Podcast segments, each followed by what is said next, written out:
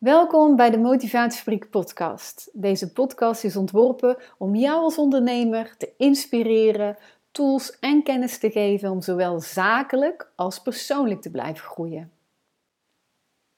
En in deze podcast wil ik graag met je delen hoe je jouw meerdere breinen kunt inzetten voor meer flow en succes. Je hebt namelijk een brein in je hoofd, in je hart en in je buik, gebaseerd op de laatste wetenschappelijke inzichten. En als jij weet hoe jij deze breinen optimaal kunt inzetten, dan kun je als ondernemer veel meer flow ervaren. Want uit veel onderzoeken blijkt dat succesvolle ondernemers vaak in flow zijn. Ze hebben de mogelijkheid om snel in flow te komen, in het nu te zijn. Ze zijn heel goed in staat om steeds opnieuw van binnen echt te voelen waarvoor ze hier zijn, wat zij echt belangrijk vinden en ze hebben heel helder wat ze willen doen. En je ziet dan ook dat succesvolle ondernemers goed in staat zijn om hun energie vooral te managen. Ze hebben de focus op energiemanagement in plaats van op tijdmanagement, wat veel mensen doen. Want flow is eigenlijk een optimale energiestaat. Het welbekende vuurtje dat van binnen oplaait en brandt, in vuur en vlam staan, helemaal, uh, ja, helemaal blij worden met wat je doet. Flow komt ook van binnen en gaat naar buiten. Want afdwingen van flow lukt niet. En geloof me, dat heb ik heel vaak geprobeerd. Alleen helaas zonder succes. Maar wat kun je doen als je uit flow bent? Hè? Als je het even kwijt bent waar je naar zoekt. Als het even niet stroomt. Als je geen creativiteit of plezier meer ervaart of dat dingen moeite kosten. Hoe breng je jezelf dan wel terug in, in die staat? Dat kan dus door het gebruik van je meerdere breinen. Maar voordat ik daar inhoudelijk op inga, wil ik ook nog kort iets vertellen over de voorwaarden die je dient te scheppen voor flow. Want in de waan van de dag is dat soms al lastig. Want een belangrijke voorwaarde voor flow is dat je er tijd voor leert vrijmaken. Dat je echt tijd leert vrijmaken om aan je bedrijf te werken. Plan het in je agenda. Een flow-ervaring duurt zo 2 tot 3,5 uur. Leer tijd vrij te maken zodat je afleiding voorkomt. En een hele belangrijke voorwaarde voor flow is ook dat je een helder doel voor ogen hebt. Wat is je doel? En welke taak past daarbij? Met welke eerste taak ga je dan aan de slag? Kies één taak. We zijn geneigd om vaak meerdere dingen tegelijk te willen doen, maar richt je en focus je op één taak die jou verder brengt naar je doel. Zo creëer je allereerst bewuster voorwaarden. Want de flow-ervaring die heeft een aantal kenmerken. En hoe meer van deze kenmerken aanwezig zijn, hoe meer jij flow ervaart. De kenmerken van een flow-ervaring zijn dat je doelgericht bent, dat je heel geconcentreerd bent, een complete aandacht hebt voor wat je doet, dat je nergens anders druk om maakt en je tijdsbesef uh, eigenlijk verliest. Je bent alert en je hebt voldoende vaardigheid en kennis om het uit te voeren, om je taak aan te kunnen. Je voelt je zeker, je hebt controle over wat er gebeurt, want je weet wat er moet gebeuren. En je voelt ook dat je direct goed presteert. Je bent intrinsiek gemotiveerd, want je hebt er zin in. Je bent opgetogen en voelt creativiteit. Dus voor flow is het dus enorm belangrijk dat jij een helder doel voor ogen hebt. Iets wat echt belangrijk voor jou is, van binnenuit. Want dan alleen zal jij opgewonden zijn om te starten. En dan alleen zal het kenmerk intrinsieke motivatie echt aanwezig zijn.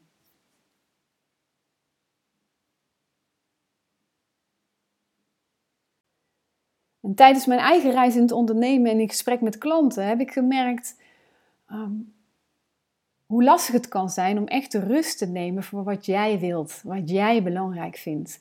Als we starten met ons bedrijf, dan is dat vaak nog heel erg helder. Hè? Dan, dan voelen we passie, we zijn helemaal intrinsiek gemotiveerd om, om dat bedrijf te starten. En tijdens deze reis dan gebeurt er van alles. Tijdens het ondernemen gebeurt er van alles. En door allerlei ervaringen word je soms uit het veld geslagen, uh, kom je jezelf tegen. Want je maakt het leven mee. En helaas raakt dan datgene wat jij juist zo belangrijk vond, of wat jij graag wilde, steeds een beetje verder naar de achtergrond. En wat ik dan zie gebeuren, is dat uh, veel uh, ondernemers dan in hun hoofd schieten. Ze weten het even letterlijk niet meer. En dan gaan ze ook de antwoorden zoeken in het hoofd. Ze gaan veel denken, ze gaan veel lezen en ze gaan heel veel consumeren hè, op dat internet. Ik herken dat ook van mezelf. Tips en tricks zoeken, boeken lezen. Ze gaan veel nadenken over nieuwe ideeën, dan maar nieuwe plannen, allemaal vanuit dat hoofd. En soms ook op basis van wat anderen denken of vinden. Ja, met als gevolg dat er allemaal hele mooie plannen op papier worden uitgewerkt, maar zodra het maandagochtend is, ze er geen klap mee doen. Want ze voelen geen opwinding, ze voelen geen intrinsieke motivatie en er is dus weer geen flow. En op dat soort momenten, en dan denk je letterlijk dat je iets wilt, en dan weet je precies hoe je het moet aanpakken, en toch, toch doe je het niet. Ik zocht echt naar een effectieve methode die mij en mijn klanten hierbij kan helpen. Je voelt het misschien al een beetje aankomen. Ik heb hiervoor een hele interessante en gave methode ontdekt. En deze methode heeft dus alles te maken met het optimaal inzetten en uitlijnen van jouw drie breinen. Ja, je hebt namelijk niet één, maar drie breinen. En als je ze ehm, alle drie laat doen waar ze goed in zijn, dan creëer je direct veel meer flow op persoonlijk en zakelijk vlak. En ik heb het afgelopen jaar deze methodiek zelf mogen ervaren. En ik wil graag met je delen waarom het voor mij eigenlijk dat puzzelstukje is waar ik zo lang naar heb gezocht. Maar daarvoor ga ik even terug naar wat ik je net vertelde. Je hebt me goed gehoord, je hebt echt drie breinen. En ik heb ook even bedenkelijk gekeken toen dat voor het eerst hoorde en las. En het is zeker niet vaag en zeker niet zweverig. Dus laat me even meenemen in een stukje theorie qua achtergrond. Want het nieuwste neurowetenschappelijk onderzoek laat namelijk zien dat wij complexe en functionele neurale netwerken, oftewel breinen, in ons hart, in ons hoofd en in ons maag-darmsysteem hebben. De breinen in jouw hart en in jouw buik hebben zelfs een eigen zenuwstelsel. Dat hebben ze gemeten, dat kunnen ze nu volgen via de nieuwste apparatuur. Het hartbrein, het hoofdbrein en de buikbrein hebben alle drie een geheugen. Dat informatie kan opslaan en kan terughalen. Ze kunnen fysieke en mentale herinneringen opslaan en terug naar boven laten komen. En dat je laten ervaren en laten voelen. Wat gaaf is, is dat ze ook ontdekt hebben dat het hart- en buikbrein ook in staat zijn om zich aan te passen en om dingen te leren zonder te communiceren met de hersenen in jouw hoofd. dus er is eigenlijk een groeiend en breed scala van bewijs dat jouw drie breinen veel meer autonoom kunnen opereren dan dat we vroeger dachten. En er is ook een groot en groeiend scala van bewijs dat alle drie de breinen dus heel nauw betrokken zijn bij al je lichamelijke functies, maar dus ook bij hoe jij je gedraagt, bij jouw gedrag. Het is echt heel gaaf als je eenmaal weet hoe deze breinen zich door middel van je lichaam en door middel van je taal um, zich uiten. En hoe je de taal begint te herkennen bij jezelf en bij anderen want ehm, het is niet voor niks dat al eeuwenoude wijsheden zijn op het gebied van deze drie breinen. er wordt al eeuwen wordt er verteld over drie intelligenties, hoofd, hart, buik. Uh, en dat is niet voor niks. En het is ook niet voor niks dat we dit in onze taal uiten. Soms bewust en soms onbewust. Denk maar eens aan voorbeelden over je hoofdbrein. Uh, opmerkingen als uh, een kip zonder kop je moet wel je kopie gebruiken of uh, gebruik je verstand of ik krijg er koppijn van. Maar denk ook maar eens aan voorbeelden vanuit het hart. je hart volgen, Uh, dit is recht vanuit het hart. Uh, mijn hart is gebroken. Met hart en ziel doe ik iets. Dat is ook niet voor niks. En denk ook maar eens aan voorbeelden van die buik, van je buikbrein. Um, iemand iets in de maag splitsen. Of een knoop in je buik voelen. Of vlinders in je buik voelen. Of de mooie van no guts, no glory. Het zijn allemaal mooie en herkenbare voorbeelden van hoe jouw drie breinen zich via taal kunnen uiten. En naast taal uh, kunnen ze zich ook door uh, middel van lichaamssignalen uiten. En als je weer de signalen opvangt en leert luisteren naar alle drie je brein en intelligenties, en als je dat beter gaat begrijpen, dan ben je dus in staat te herkennen wanneer ze in en uit balans zijn. Dus je bent ook in staat te herkennen wanneer je uit flow bent en waar dat dan aan ligt. Je kunt ze daarna ook weer positief beïnvloeden, zodat je weer terug in flow komt. En ja, dat vind ik enorm interessant. Want jouw breinen, die drie breinen, die kunnen het elkaar soms erg moeilijk maken. Je, je, kent het misschien wel dat je een soort innerlijk conflict, conflict hebt. Nou, ik, ik, herkende het gelijk toen ze het mij vertelde. Tussen wat je denkt, wat je voelt en wat je doet. Dus tussen je gedachten, je gevoelens en je acties. En als je zo'n intern conflict hebt en je komt nou niet in flow, op zo'n moment is de kans is groot dat jouw drie breinen niet of in de verkeerde volgorde met elkaar samenwerken. Hoe dan ook, ze zijn niet in verbinding met elkaar, ze zijn niet evenwichtig in verbinding. En misschien herken je dat wel. Zo'n gevoel van uh, het voelt niet goed, je hebt een beslissing genomen en die voelt achteraf toch niet goed. Of dat je iets heel graag wil en je weet zelfs ook hoe het moet, maar je komt niet in actie. Of dat je juist als een kip zonder kop de hele dag druk bezig bent geweest met van alles doen, doen, doen en aan het einde van de dag toch geen echte voldoening voelt. Het zijn eigenlijk allemaal voorbeelden van de verschillende breinen die het eigenlijk niet helemaal met elkaar eens zijn geweest, die niet uitgelijnd zijn op zo'n moment. En dan ervaar je dus ook geen flow.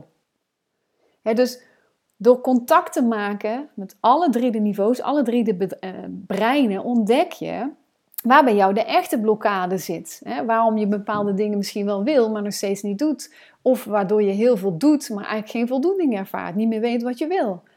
Hè? Dus in plaats van dat je recht blijft lullen, wat diep van binnen hartstikke krom voelt, want wanneer eh, alle drie die breinen zonder blokkades met elkaar in verbinding zijn en de juiste volgorde samenwerken, dan kun jij veel meer vaardigheden en mogelijkheden benutten die je gewoonweg niet van je hoofdbrein alleen kunt krijgen. Want om echt krachtig en effectief te ondernemen heb je veel meer nodig dan alleen maar slimme methodes en strategieën die je hoofd allemaal opneemt. En zeker in deze moderne tijd lijkt dat soms wel zo te zijn. Hè? We worden heel erg geprikkeld en getriggerd op ons hoofdbrein. En als ze maar goed genoeg zijn in de inhoud, nou dan lukt het ons wel. Nou, het bewijst zich steeds meer dat dat niet zo is. Je hebt meer nodig dan alleen slimme methodes en strategieën.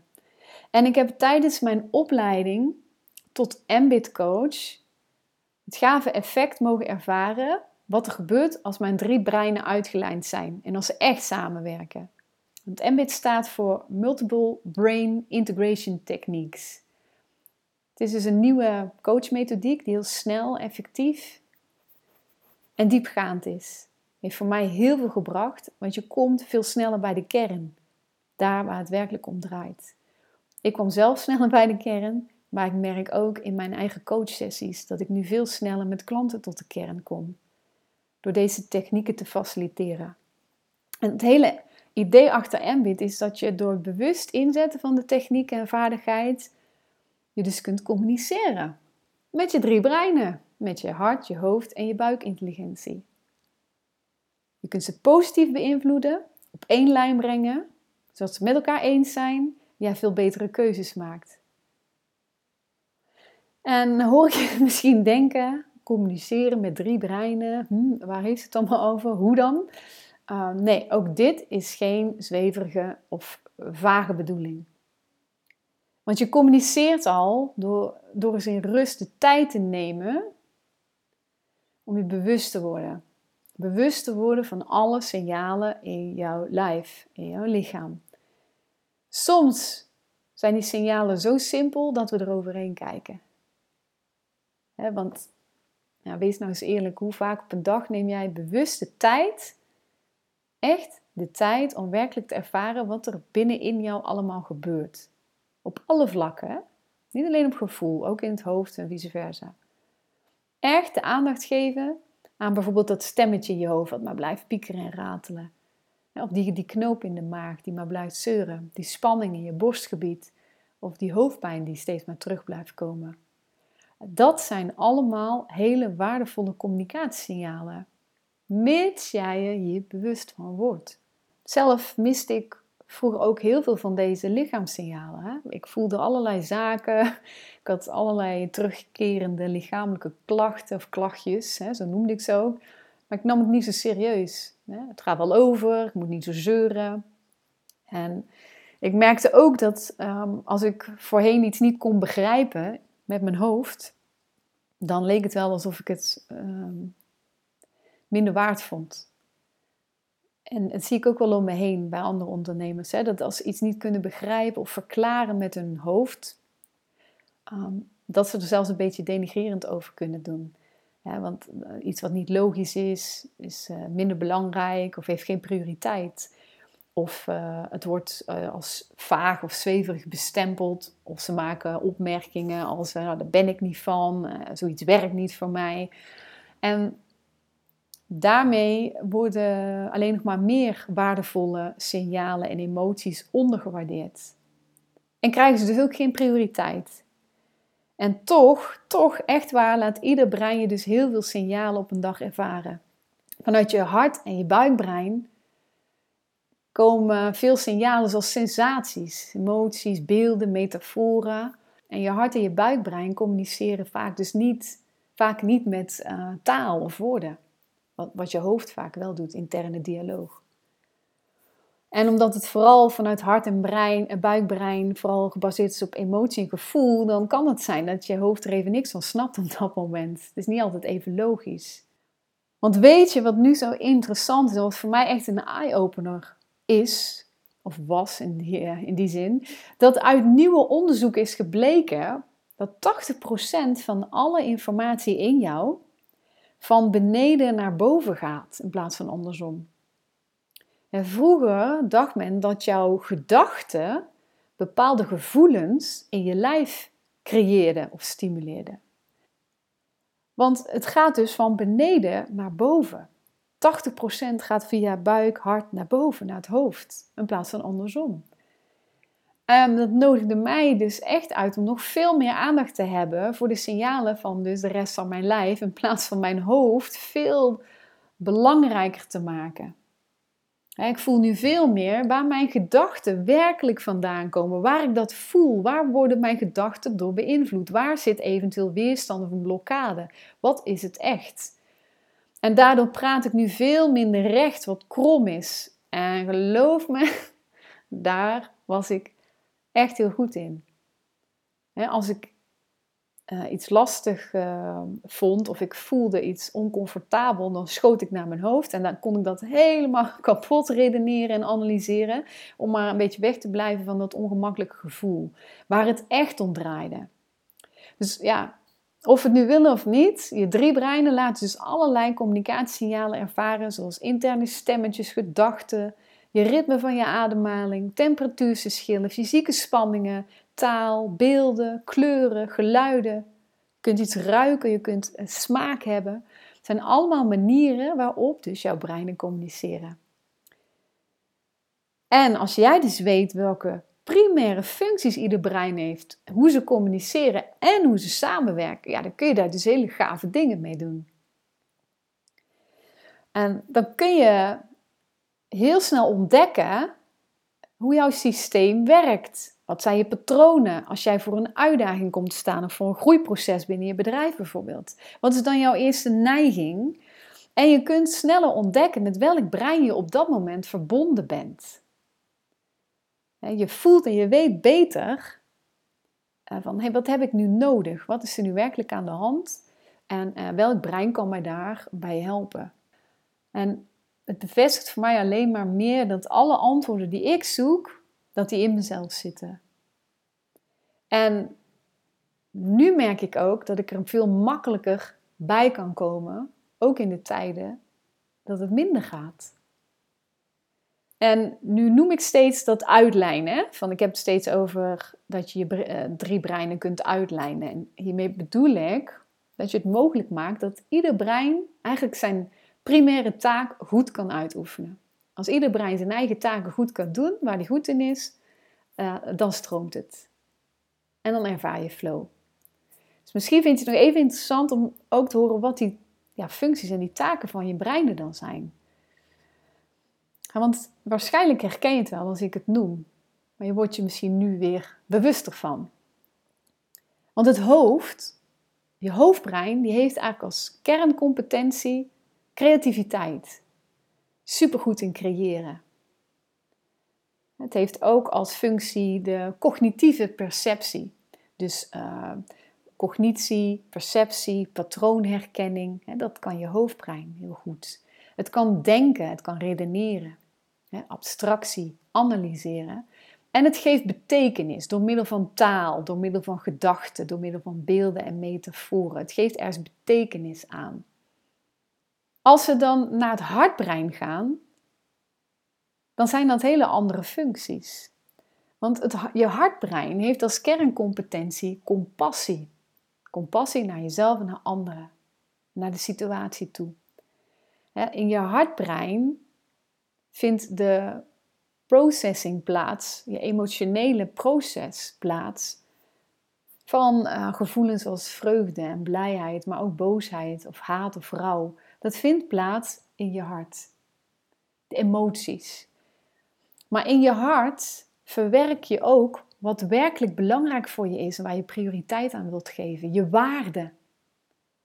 De emotionele kracht eigenlijk achter je dromen en je verlangens. Jouw waarde. Wat vind je echt belangrijk? Wat heeft echt prioriteit? En in je hart zit ook de functie om te verbinden met jezelf en anderen. Dus het relationele effect, zoals ze dat noemen. Dat is de hartbrein. En dan gaan we naar je buikbrein. Je buikbrein heeft als kerncompetentie moed. Daar kun je misschien ook wel iets bij voorstellen. Moed. Motivatie. Maar in je buikbrein is ook je kernidentiteit opgebouwd. Diep van binnen is opgebouwd hoe jij jezelf ziet, hoe je de wereld ziet en wat jouw overtuigingen zijn over wat bijvoorbeeld wel en niet mag. Het is vaak ook aangeleerd, vaak in je gestopt. Er zit ook een hoop conditionering in. Hoe kijk je naar de wereld? Hoe zie jij jezelf? Het is dus dynamisch, maar het voelt soms alsof we het hebben vastgezet. In je buik zit ook zelfbehoud. De bescherming van jezelf, een stuk veiligheid. Hè?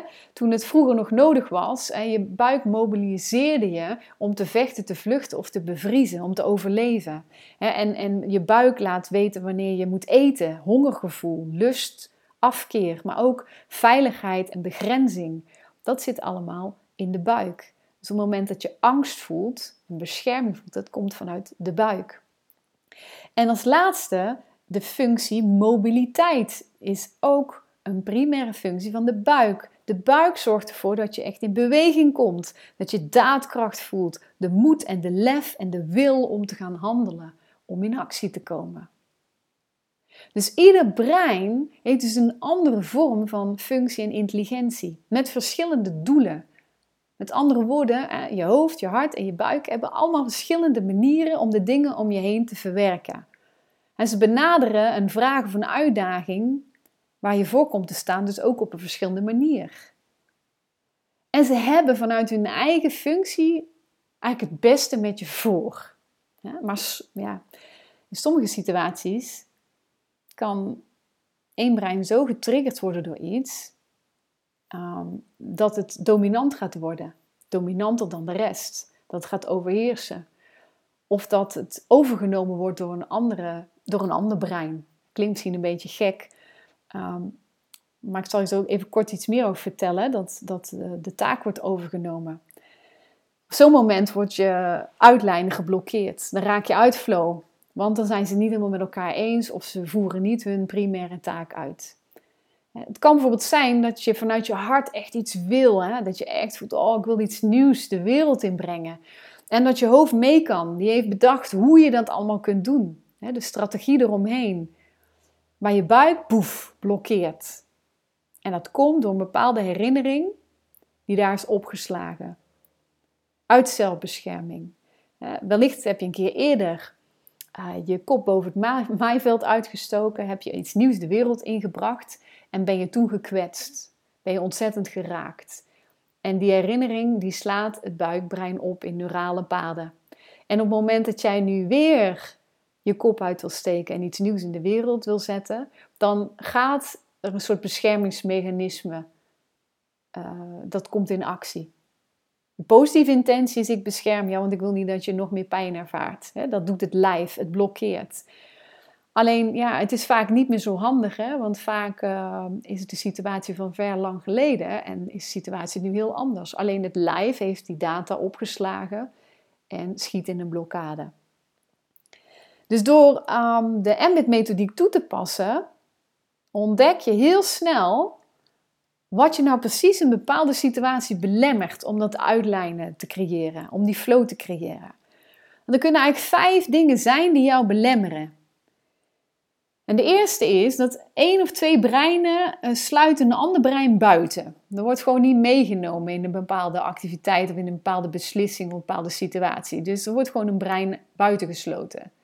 Bijvoorbeeld dat je allemaal heel tactisch bezig bent, je bent heel erg aan het doen, maar het voelt niet goed dan is bijvoorbeeld het hartbrein helemaal niet aanwezig in de activiteit die je hebt gedaan. Je hebt niet stilgestaan bij het feit, wat vind ik nou echt belangrijk. Maar het kan ook zijn dat, uh, dat is de tweede belemmering, dat één brein heel dominant is. Bijvoorbeeld het hoofd wat maar blijft raten, raten, raten en piekeren, piekeren, piekeren, wat belemmert om in flow te komen. Want soms kan één brein heel dominant aanwezig zijn, maar dan is het niet het meest wijze brein om, uh, om echt naar te luisteren. En zeker niet als het al langere tijd dominant aanwezig is en je nog steeds, geen, nog steeds voor die uitdaging staat. Hè? Dan, dan doe je nog steeds wat je altijd deed, maar dan is het niet het meest wijze brein om een, een, een verschil te maken. De derde kan zijn dat één brein de primaire taak van een ander brein overneemt. De vierde kan zijn dat ze eigenlijk gewoon een soort conflict hebben met elkaar. En een mooi voorbeeld hiervan is is bijvoorbeeld als je hoofd een mooi en gedetailleerd plan voor je bedenkt en heeft verzonnen om jouw bedrijf lekker te laten groeien. Maar je hart inzet op juist meer tijd met je gezin en je vrienden. En je buik uit is op meer ontspanning en meer tijd voor jezelf. dat je jezelf af en toe eens terugtrekt. Op zo'n moment zijn je drie breinen in conflict met elkaar.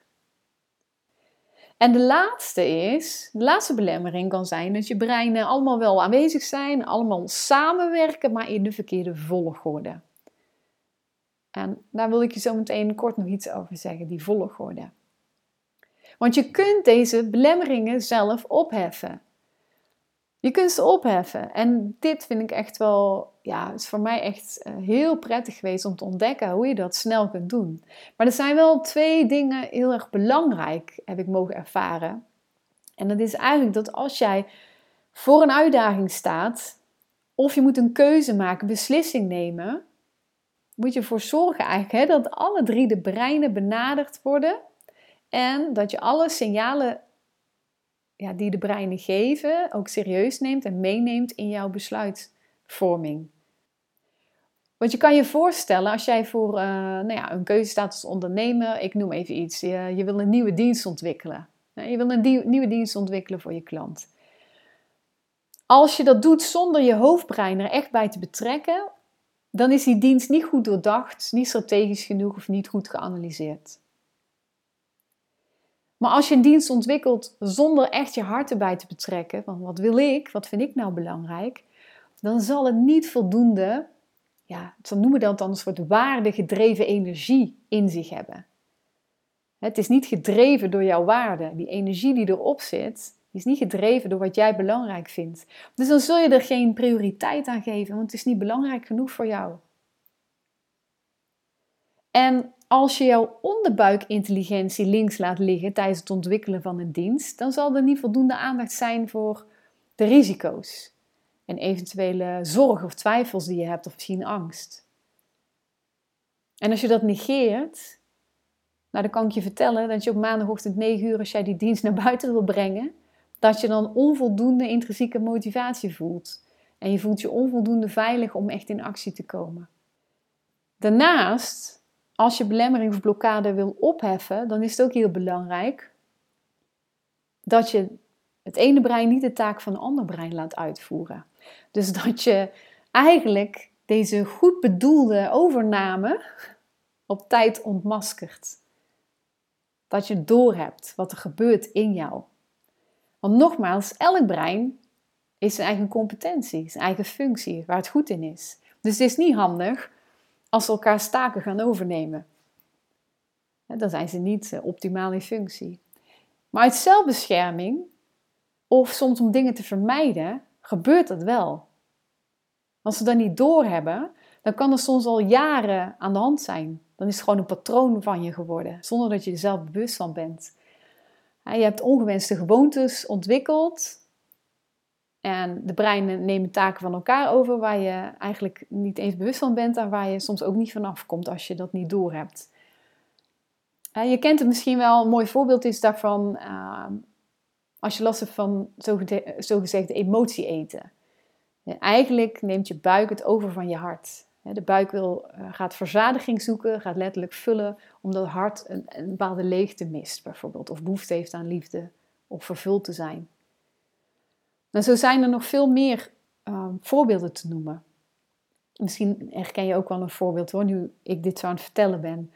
Ik zag het ook wel bij een klant van mij. Ze was heel erg bezig om ehm, vanuit haar hoofdbrein haar bedrijfswaarden te, te bedenken. Dus de waarden die in je hart naar boven komen, waar het hart uh, de taak voor heeft. Dat was ze heel erg vanuit haar hoofd aan het bedenken. Dus ze was het allemaal aan het uitschrijven. Ze was niet aan het voelen, maar ze was heel erg aan het praten en beredeneren. Want het moest logisch zijn, het moest kloppen en het moest goed qua taal omschreven zijn en het moest goed lopende zinnen hebben. Dus op papier zag het er allemaal fantastisch uit en logisch uit. En toch gaf haar hart er geen s'nachts om en geeft ze een week later aan van ja, het voelt inderdaad niet goed. Terwijl het er fantastisch op papier uitzag. Dus het hoofd had het overgenomen van het hart. En, en misschien herken je ook wel hè, dat je hoofdbrein soms ook ehm, actieplannen kan ontwerpen. En dan ga je met je hoofd eigenlijk acties ontwerpen. En je koopt zo'n leuke, fantastische flip over of een kalender. En uh, of je, je, schakelt hulp in en gaat ergens op de hei allerlei mooie Excel-sheets uitwerken. In de hoop dat je dan volgende week wel een bepaalde actie gaat doen. Omdat het er allemaal zo goed uitziet. Terwijl je buikbrein, de buikbrein die van de actie is, het niet durft. Of misschien nog een oude blokkade heeft, de angst voor afwijzing bijvoorbeeld. En die komt dan ook echt niet op maandagochtend in beweging. En zo neemt het hoofd het weer over van de buik. Het creëert allerlei plannen om in actie te komen, maar uiteindelijk komt je lijf niet in actie. En eigenlijk is dit ook weer een mooie vorm van uh, ons beschermingsmechanisme. Het ene brein neemt het van het andere over op het moment dat wij iets willen vermijden, dat we ons oncomfortabel voelen. Dat we eigenlijk een blokkade voelen vaak gedreven vanuit het buikbrein. Dat we diep van binnen een bepaalde sterke overtuiging hebben. Um, dat we diep van binnen twijfel of angst voelen. En dan schiet het andere brein schiet dan in de actie. Die neemt het over. Zodat we ons niet oncomfortabel hoeven te voelen. Zodat we spanning weg kunnen redeneren. Het is ook weer een soort ja, vorm van bescherming. Mooi mechanisme, maar natuurlijk niet altijd even handig en niet altijd op zijn plaats dus het is heel interessant om te ontdekken als de breinen het van elkaar overnemen. Wat is hier aan de hand? Ergens word ik dus geblokkeerd en ergens uh, vindt er een overname plaats. Maar waar wordt dat door gedreven? Vaak is er dan diep van binnen een signaal, een blokkade. Wat heb je nog te leren? Wat mag je nog loslaten? Zodat die breinen elkaar niet hoeven over te nemen. Zodat je het beschermingsmechanisme stap voor stap kunt loslaten en weer vrij kunt voelen om te doen wat je echt wil doen. En eigenlijk is het natuurlijk heel logisch als je bedenkt dat alle drie de neurale netwerken, de breinen, verschillende functies hebben en doelen.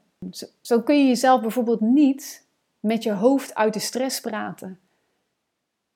Spanning komt vanuit de buik en als ik gespannen ben en, en echt gespannen ben, dan kun, kan ik nog zo uh, ja, ratelen in mijn hoofd van Mandy, doe rustig, doe rustig, Mandy, word rustig, moet rustig. Maar ik kan mezelf met mijn hoofd niet uit de stress praten. Je kunt jezelf wel heel goed in de stress praten met je hoofd. Maar ja, weet je nog wat ik je net vertelde over die 80%? Hè, 80% van alle signalen, van alle informatie, dat die van beneden naar boven gaan in plaats van andersom. Dus van je buik, hart naar je hoofd. Ja, als je dat bedenkt, dan kun je dus al aanvoelen als ik het heb over volgorde, dat het dus een enorm verschil geeft of jouw gedachten je gevoelens beïnvloeden of jouw gevoelens je gedachten beïnvloeden. Of dat jouw onderbuikreactie, bijvoorbeeld een angst, blokkade, je denken gaan bepalen. Of dat jouw negatieve denkprocessen juist weer een extra onderbuikreactie uitlopen, dus nog meer angst laten ervaren. Waar ben je op ingeplucht? Welk brein ben jij ingeplucht? Dat is een belangrijke vraag. Zeker als je een blokkade voelt, is het interessant. Dus welk brein ben jij in verbinding op dat moment? En als je dus voor een uitdaging staat, voor een vraagstuk, en je begint in de verkeerde volgorde, dus je begint bijvoorbeeld bij de buik, en stel dat die is ingeplucht op angst voor afwijzing vanuit de buik. Bang voor wat anderen vinden, bang dat het raar wordt gevonden. En je bent erop ingeplucht, dan zal alles wat je daarna met je hoofd gaat bedenken en de keuzes die je maakt, die zullen allemaal beïnvloed zijn door deze angstgevoelens. Want je wil ergens van wegblijven. Je wil iets vermijden. En je bedenkt van alles. Je gaat van alles, van alles doen om maar te voorkomen dat je wordt afgewezen. Je biedt alleen maar meer weerstand tegen juist dat wat je niet wil. Maar dan hou je eigenlijk dus juist in stand. En dat doet me ook denken aan een quote van Napoleon Hill. Ehm, die ook zo mooi uh, beschreef: wanneer je focust op je barrières, verdwijnt je doel. En wanneer je blijft focussen op je doel, dan verdwijnen barrières. Want als je dus eerst bent ingeplucht op je hartbrein, op wat jij het allerbelangrijkste vindt, en je besteedt daar eerst aandacht aan, en je gaat dat voelen, dan zal je hoofd vervolgens bedenken welke mogelijkheden er allemaal voor je zijn die passen bij dat wat jij echt belangrijk vindt. Je uitdaging blijft hetzelfde, maar doordat je het vanuit een andere volgorde benadert, ontdek je natuurlijk hele andere mogelijkheden om de uitdaging aan te gaan. Je voelt dan veel meer plezier en motivatie. Want ja, zoals je zelf misschien ook wel eens hebt ervaren, angstgevoelens, klein of groot, creëert toch weerstand. En vertrouwen, dat creëert flow. En om diep van binnen dat vertrouwen ook echt te voelen, is het belangrijk dat je start vanuit je hartbrein. Dat je daar meer aandacht voor hebt. Het is belangrijk dat als je voor een uitdaging komt te staan, voor een vraagstuk of een beslissing, dat je eerst de rust neemt om contact te maken met je hartbrein. Voordat je in het, de do-modus schiet, voordat je in het creëren schiet. Start eerst bij het hart. Vraag aan je hart: wat is voor mij echt belangrijk binnen deze situatie?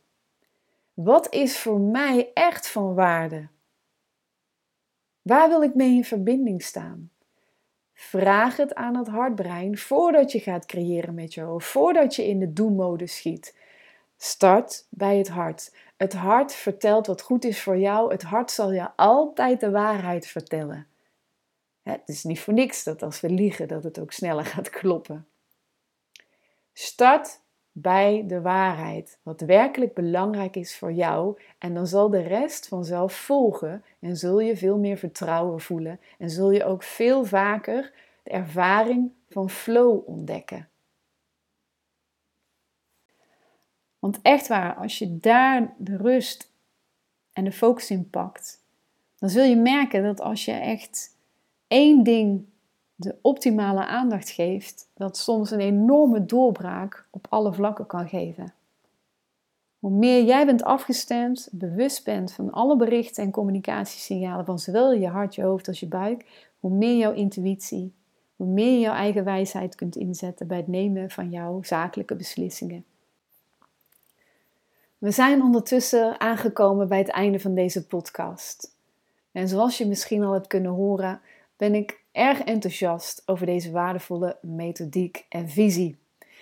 En ik wil deze methodiek dan ook graag meer gaan faciliteren binnen mijn dienstverlening. Ik wil jou als ondernemer helpen bij het bewustzijn creëren, zodat je snel in de gaten krijgt wat je patronen zijn, hoe jij jezelf doet en hoe je op een moeiteloze manier ook bij blokkades kunt komen en ze zelf kunt opheffen. En om dit zo goed mogelijk te kunnen doen, ben ik ook benieuwd naar jouw mening en naar jouw reactie. Allereerst je mening en reactie op dit verhaal. Dat vind ik enorm interessant. Maar daarnaast kun je me ook helpen bij het beantwoorden van één vraag. En die vraag is: wanneer ben jij als ondernemer uit balans? Binnen welke context word je eigenlijk nog steeds getriggerd? En waarvan je voelt dat als je dat nou juist zou kunnen turnen, het echt een positief verschil voor jou kan maken. Ik ben enorm ja, nieuwsgierig naar jouw antwoord. Dus je helpt me erbij om dit naar mij te mailen. info.motivatiefabriek.nl Daar ben ik enorm dankbaar voor, want daar kan ik weer van leren. En dan weet ik wat er bij jou speelt als ondernemer. Voor nu rest me alleen nog maar om je te bedanken voor het luisteren. En mocht je het interessant vinden om op de hoogte te blijven, abonneer je dan op dit podcastkanaal of schrijf je in voor mijn nieuwsbrief via de website www.motivatiefabriek.nl